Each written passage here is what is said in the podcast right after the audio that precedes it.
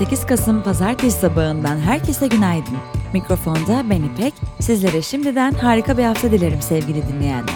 Hafta sonunun tek gündemi Dünya Kupası maçları değildi. Bir yandan Konya'daki acı dolu işkence görüntülerini izledik. Bir yandan 25 Kasım Kadına Şiddetle Mücadele Günü dolayısıyla eylem yapmak isteyen onlarca kadına polisin müdahalesini. Tüm bu görüntülerini takip ederken de hem insanlara hem hayvanlara yönelik baskıların ve şiddetin son bulmasını, önleyici ve koruyucu politikaların üretilmesi ve hayata geçirilmesini diledik. Bugünün bülteni Aklım Yolda ile birlikte ulaşıyor. Aklı her zaman yolda ve aracında olanların buluşma noktası Aklım Yolda, otomotiv dünyasına dair merak edilenleri 5 ayrı konseptle YouTube'da paylaşıyor. Ayrıntılar bültende. Piyasalar ve ekonomi Türkiye Cumhuriyet Merkez Bankası TCMB yılın ikinci ve son finansal istikrar raporunu yayımladı. Raporda bankacılık sektörünün aktif kalitesi göstergelerinin tarihin en güçlü seviyelerine ulaştığı, tahsili gecikmiş alacak oranının ise %2,2 ile tarihin en düşük seviyesine gerilediği ifadelerine yer verildi. Resmi gazetede yayımlanarak yürürlüğe giren vergi usul kanunuyla bazı kanunlarda değişiklik yapılmasına dair kanunla birlikte Fiyat İstikrarı Komitesi kuruldu. Hazine ve Maliye Bakanı Nurettin Nebati, TBMM Plan ve Bütçe Komisyonu'ndaki konuşmasında, gelen veriler şunu gösteriyor ki enflasyonda en yüksek değerlerin görülmüş olduğunu. Bundan sonra da aşağı yönlü enflasyon oranlarını ve sonuçlarını hep birlikte yaşamış olacağız. Bu bütçenin de bir özelliği bu olacak inşallah, dedi. Reuters'ın haberine göre Katar'dan Türkiye'ye 10 milyar dolara ulaşılabilecek yeni bir kaynak girişi sağlanması konusunda yapılan görüşmeler son aşamaya geldi. Haberde kaynağın 3 milyar dolarlık kısmının bu yılın sonuna kadar swap veya Eurobond ihracıyla giriş yapabileceği ifade edildi.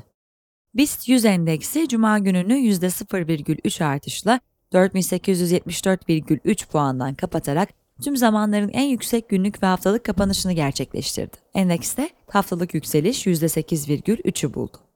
Uluslararası Finans Enstitüsü IIF ekonomistleri Robin Brooks ve Jonathan Fortune, küresel ekonominin kriz şartlarının geçerli olduğu 2009'a denk bir zayıflık içinde olduğunu ve küresel ekonomik büyümenin 2023 yılında %1,2 seviyesine gerçekleşmesini beklediklerini açıkladı. Almanya ve Fransa, enerji alanında dayanışmayı sağlamak adına ortak işbirliği bildirisi imzaladı. Bildiri metninde Fransa'nın Almanya'ya gaz tedarik edeceği, Almanya'nın ise Fransa'nın elektrik tedariğini kış boyunca güvence altına alacağı ifadeleri yer aldı. İş Dünyası Mersk'in pandemi sonrası tedarik zincirinde değişim ve üretimin yakına getirilmesi araştırmasına göre Avrupa merkezli şirketler için Türkiye, ürün tedarik etme ve tedarik zincirinin yabancı ülkede bulunan bir parçasını ya da tamamını ülkeye geri getirmede Polonya ve Almanya'nın ardından 3. sırada yer aldı. Gazetecilerin sorularını yanıtlayan TOG CEO'su Gürcan Karakaş, satışta incelediğimiz kamu ve kurumsal şirketlerden önce perakende müşterisi olacak. Ön sipariş herhangi bir ayrım gözetmeksizin tamamen online başvuruyla olacak dedi. Tofaş, ARGE faaliyetlerini büyütmek için İzmir'de otomotiv yazılımları geliştirme şubesini açtı. Şirket, otomotiv yazılımı alanındaki faaliyet kapsamını artırarak Stellantis için mühendislik, sanal fiziksel doğrulamalar yapılması, prototiplenmesi gibi uygulamaları hayata geçirecek. BMW, Macaristan'da inşası devam eden elektrikli araç fabrikasına yapacağı yatırımı yaklaşık 1 milyar avrodan 2 milyar avroya yükseltti. 2025'te tamamlanması planlanan fabrikada 500 milyon avroluk batarya montaj tesisi kurulacağı belirtildi. Adidas, Kanye West'in Yeezy markasını yönetirken çalışanlara uygunsuz davranışlarda bulunduğuna dair haberin ardından rapçi hakkında soruşturma başlattığını açıkladı. Rolling Stone'un haberine göre 20'den fazla eski Yeezy ve Adidas çalışanı toksik bir kültür olduğunu ve West'in toplantılarda pornografik içerikler açtığını, kaba davranışlarda bulunduğunu, cinsel şakalar yaptığını belirtti.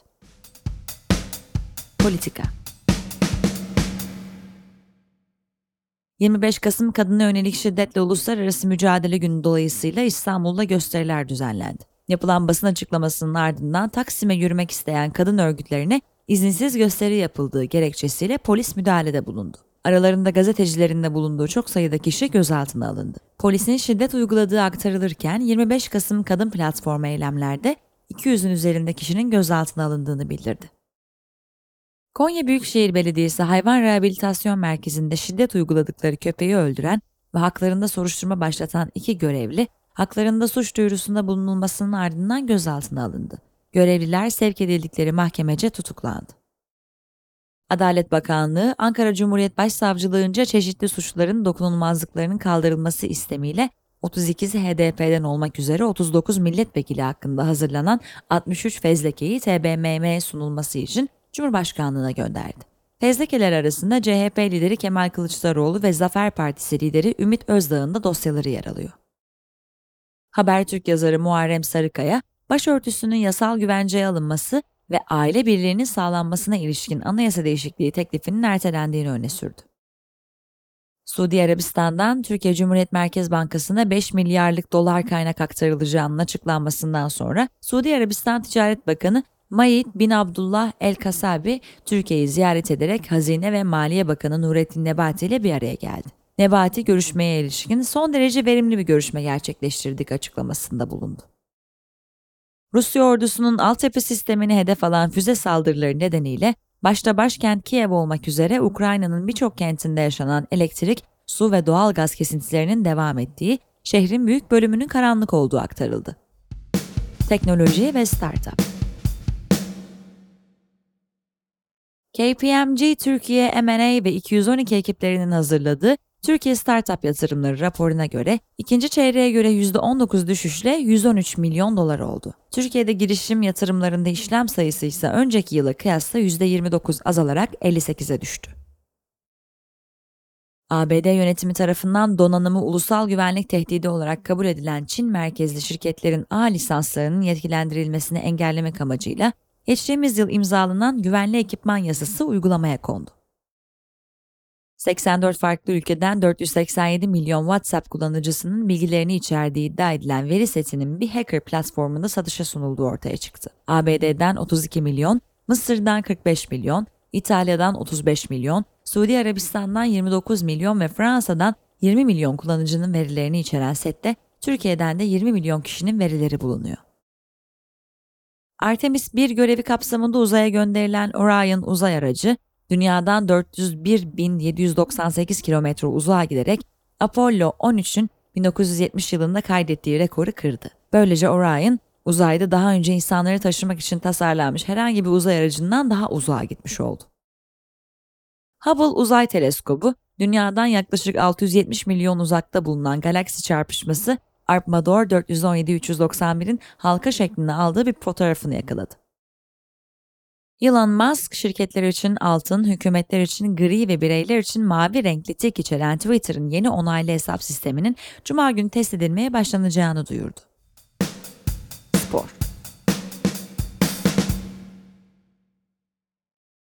Dünya Kupası'nda bugünkü maçlar Kamerun, Sırbistan 13'te, Güney Kore, Gana 16'da, Brezilya, İsviçre 19'da ve Portekiz, Uruguay 22.00'da. Alperen Şengün, Houston Rockets Oklahoma City Thunder maçında 19 reboundla kariyer rekoru kırdı. Göztepe Altay derbisinin 22. dakikasında sahaya giren bir taraftar, kaleci Ozan Evrim Özenç'e korner direğiyle saldırdı. Tatil edilen maç, Türkiye Futbol Federasyonu tarafından belirlenen tarihte 20. dakikadan itibaren oynanacak. A milli kadın basketbol takımı FIBA 2023 Avrupa Şampiyonası elemelerinde Slovenya'yı 80-74 mağlup etti. Alternatif gündem Türkiye Eczacıları Birliği'nin Ankara'da düzenlediği mitingde 15 binin üzerinde eczacı bir araya geldi. Dur de tükeniyoruz sloganıyla eczacılar ilaç yokluğu, ilaç fiyatları, ihtiyaçtan fazla açılan eczacılık fakülteleri ve eczanelerin kapanma noktasına gelmesi gibi sorunlara tepki gösterdi. Günün hikayesi İş insanlığından diplomatlığa, AK Parti'nin gönüllü fahri konsolosları. Sevgili Abdullah Esin sizler için kaleme aldı. Almanya merkezli medya kuruluşu Deutsche Welle Araştırmacı Gazeteciler Konsorsiyumu işbirliğiyle yürüttüğü Gölge Diplomatlar araştırmasında Türkiye adına yurt dışında fahri konsolosluk görevi yürüten kişilerin detaylı bir raporunu hazırladı. Söz konusu rapora göre Türkiye'de yabancı ülkeleri temsil etme misyonuyla fahri konsolosluk ünvanı alan 328 kişiden 47'si turizm, 31'i inşaat, 26'sı gıda, 21'i sanayi, 18'i lojistik, 13'ü enerji, 9'u tekstil ve 9'u da denizcilik sektörlerinde faaliyet gösteren ve büyük bir çoğunluğu iktidara yakınlığıyla bilinen iş insanlarından oluşuyor. Peki Fahri Konsolosluk nedir? Bu ünvanın avantajları nelerdir? Bu sorunun cevabı ve yazının devamı bültende sizleri bekliyor.